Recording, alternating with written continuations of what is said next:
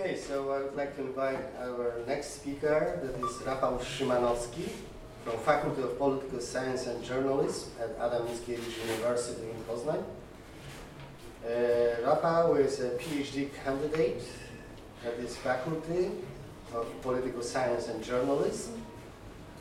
And he also studied law and economics at, as an Erasmus exchange student in Berlin.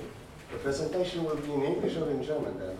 No, no, the presentation will be, of course, in English. I'm not so fluent in German. Mobility as a public good, that's a good topic. Okay, hello to everyone.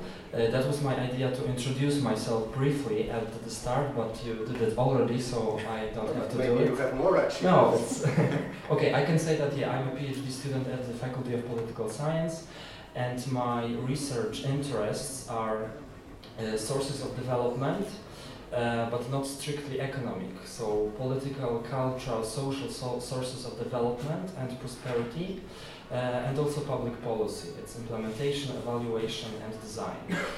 Uh, okay, and I would like to talk today about uh, mobility infrastructure, but in a, in a certain context. So, about mobility infrastructure perceived and analyzed uh, as a public good. So, since this is my uh, main uh, aim uh, in this presentation, it should be reasonable then to start with providing an answer what public goods actually are or what a single public good uh, might be.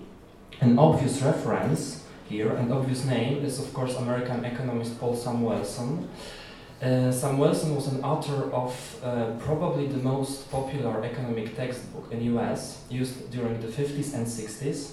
He's widely credited for bringing uh, Keynesian economics into American colleges.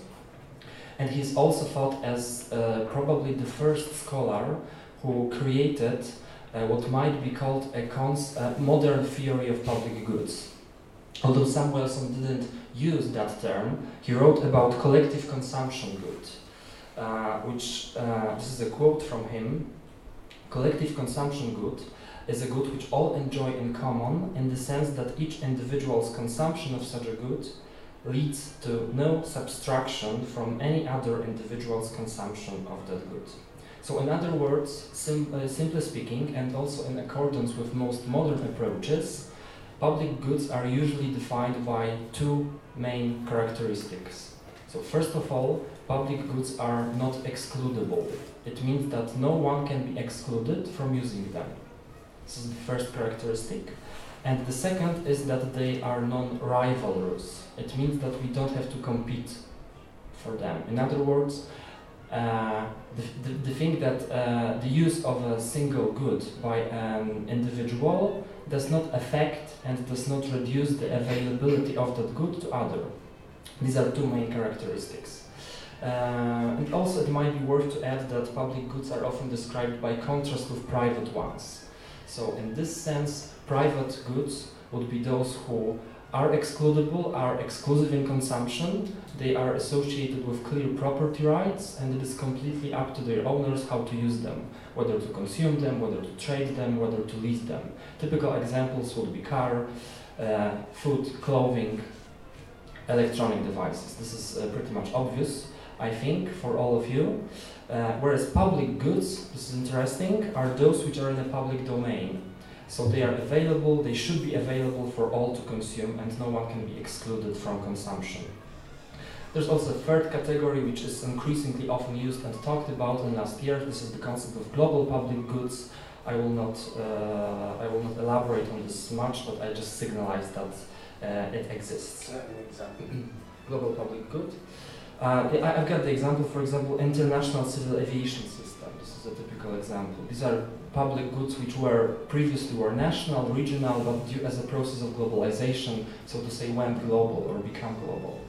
Uh, okay, so that, that was really very basic contours of public goods theory, and I would like to move to the second part of the presentation and ask about the relation. So how can we relate what I have called mobility infrastructure uh, to the theory of public goods? So to be more precise and to ask a direct question, is for example a public transportation system a public good? Or are roads built by the state or by the partnership of the state and private sector public goods? the true answer should be that there is no simple answer. Uh, this is the issue very intensively debated, and there is not much of a consensus about it. Uh, if we take just two examples, think for a moment about the public transport. There is usually something which is called which is called an entry cost. So in most cases, in order to be able to use public transport, you have to buy a ticket. Uh, so therefore, some people refer to it as a merit good, not public good. If you think for a moment about the roads, uh, the access to most public roads is still open, uh, and actually no one, provided that you have a car, of course, and no one can be excluded from using roads only because other people also use them. Yeah? So therefore, some people refer to roads as a public good. Uh, this, this is not also my main concern to elaborate on this debate, but I think that for now we might agree that different types of mobility infrastructure are not private goods. Yeah, that they uh, they can be considered to have some characteristics of either a merit good or a public good. And in most advanced countries, during the most of the 20th century, uh, they have been treated, and to some extent they still are treated as a public good and as a public service. And I would like to give an example of such an approach.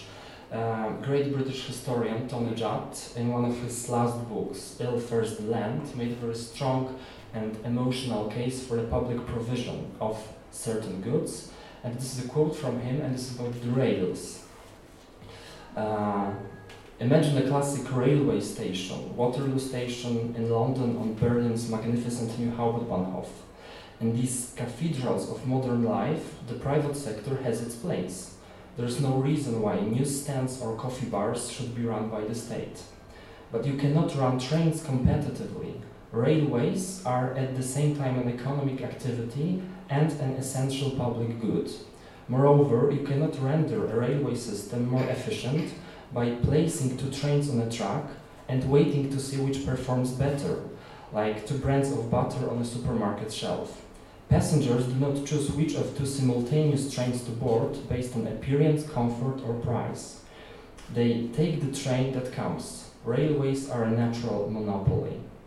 This is, in my opinion, one of the most powerful arguments made recently for rails as a public good and as a public service. And let me now uh, tell why I, why for me such attitudes carry some value. Uh, and five minutes. No, Oh, sorry. Okay, sorry. it's and- just my head. Okay. Uh, and why I think that the concept of public goods might be very useful today.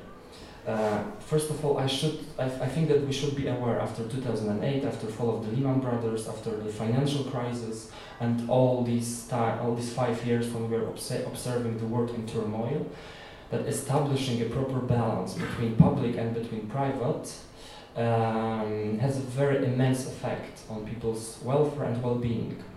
What's important, it affects not only the poor and excluded who cannot afford some goods and therefore rely on the social safety net or public provision of, of some goods. This, this balance between private and public uh, affects also the most affluent who can afford almost all their needs. Just because enjoying one's affluence uh, mm, when surrounded by the misery, by, by the violence, by the social riots and political turmoil, it can be a little bit hard. A case very much supported recently by Kate Pickett and Richard Wilkinson in, in a book called uh, The Spirit Level. What is more, many sources and many drivers of prosperity, which are essential to countries' development and people's welfare, are created in a uh, public sphere, not in a private sphere. Yeah? For example, mutual trust, social capital, these are typical goods that are created uh, to a bigger extent in a public sphere, not in a private. And secondly, the concept of public goods should be useful in order to face what I think is one of the crucial challenges nowadays, and this is the task of rethinking the role of markets in our life. Uh, and since we are discussing the mobility today, let me just give you one example, and uh, that actually will be uh, kind of an end. Uh, this is an example from Michael Sandel book about the innovation introduced in certain states in US. For example, in San Diego, Minneapolis, Denver, Miami, or San Francisco. And this is the innovation that targets drivers, for example, commuters who are in a hurry and got stuck in a traffic jam. Uh, this innovation enables them to, so to say, buy their way out of the traffic by paying extra money for using the fast express line. Uh, if they just want to pay an, a small tuition, a small fee, they can use fast express line. If they think that they do not want to do it or they can afford to do it, they have no other choice but to stand and wait till the traffic is over. Uh, okay, uh, what might be the far-reaching consequences of such innovations, of such policies? Uh, I do not have an answer for that. I will leave you with that question, but instead I would like to give my conclusions. And one more time I will refer to Michael Sandel, who recently argued, uh, this is one of the most important sentences I have read recently, that the reach of markets and market-oriented thinking into aspects of life traditionally governed by non-market norms is one of the most significant developments of our time. In the last three decades, in the era of market triumphalism, we have been taught that markets are indifferent, that they are neutral, that they do not affect goods, they exchange. And according to Sandel, this is not true. Markets do not only allocate goods, they also express and promote certain attitudes towards the goods being exchanged. Putting the price on the good things in life can corrupt them and crowd out non-market values worth caring about. Uh, this is the last paragraph. As Michael Sandel put it, in the era of market triumphalism, without quite realizing it, and without quite realizing it, and without ever deciding to do so, we drifted from having a market economy to being a market society. And th th this is my this is my conclusion. It seems to me that to preserve the ability to think about certain types of mobility infrastructure as a public good and therefore as a public service, to preserve this ability might be might be just one way to uh, so to say push the stop button and think one more time through do we really want to be a market society or maybe should we take more care about the commons and not to forget what the society is all about. Yeah. Thanks very much. Any direct questions to Rafał? Questions of fact? Yes. Uh, just, just to, to understand clearly what you. Well, maybe because we still don't know all of us, you introduce yourself Uh, first. I'm Peter Hertz from Esslingen, Germany. Uh, I just got a, a very small question, uh, just to, to get the point clearly what you wanted to say. Uh, you, you stated that uh, railways are uh, kind of uh, public good par excellence because of their technical structure, right? Is, is it that what you wanted to express? Uh, I I think that was in the quote of Tony Judt. This was actually not my. This, this, you are referring to the quote of. Uh, I quoted him actually. Yeah, Okay. but that's true. But I think that's true. You agree? Yeah. Okay, okay. Uh, Although they were privatized, yeah, and you, in Great Britain rails were, were privatized, and we, we can discuss has, uh, does it have a positive effect or negative effect, but I'm not sure am I answering correctly your question. Yeah, because because you were talking about the, the stuff that every that only uh, one operator can use it in one time. But this is this is the thing which is changing right now all over Europe and, Yeah. and the rest of the world. So uh, this is uh, something I wanted to understand clearly. What, Yeah. What is the point? So the, the answer was that probably Tony Jack, he thought so. okay. And he agrees, yes? And he Right? Yeah, Okay. okay. Okay. Thank you. And then we can have a discussion. Any other questions? Yes, Jarema. Introduce yourself. Hello, uh, my name is Jaromir Kozlovich. I'm uh, currently working at the Faculty of Educational Studies here in Poznań. I would like to refer to your um, statement of the, uh, what you call entry cost. Mm-hmm. Entry cost, yeah. Entry cost. And, uh, well, actually, my uh, question is referring to what Peter Hertz uh, had said about uh, the public character of, of, roads. Uh, is it contradiction uh, of, I don't know, it's your statement of, of, of the- or Tony, uh? Uh, you have to actually pay an entry cost uh, To um, to be able to use from to, use- you know, to use the road Uh-huh. if, uh, if you pay taxes. So even if, if, you don't have a, have a car, well, you, are actually financing the infrastructure. for someone who, who, who uses this. Yeah, yeah, I agree. In, in a way, you have, but uh, it goes not directly, but it is in a way subject. It's in a way subjected for to paying taxes. Yeah, so Or is it it's a Why- much, much more blurred cost, in, in your opinion? uh, c- can you ask, ask one more time the question? So, i- i- in your opinion, it's, uh, the cost is much more blurred, it's not, not, not, not clearly stated Yeah. that you have, you to pay. Okay.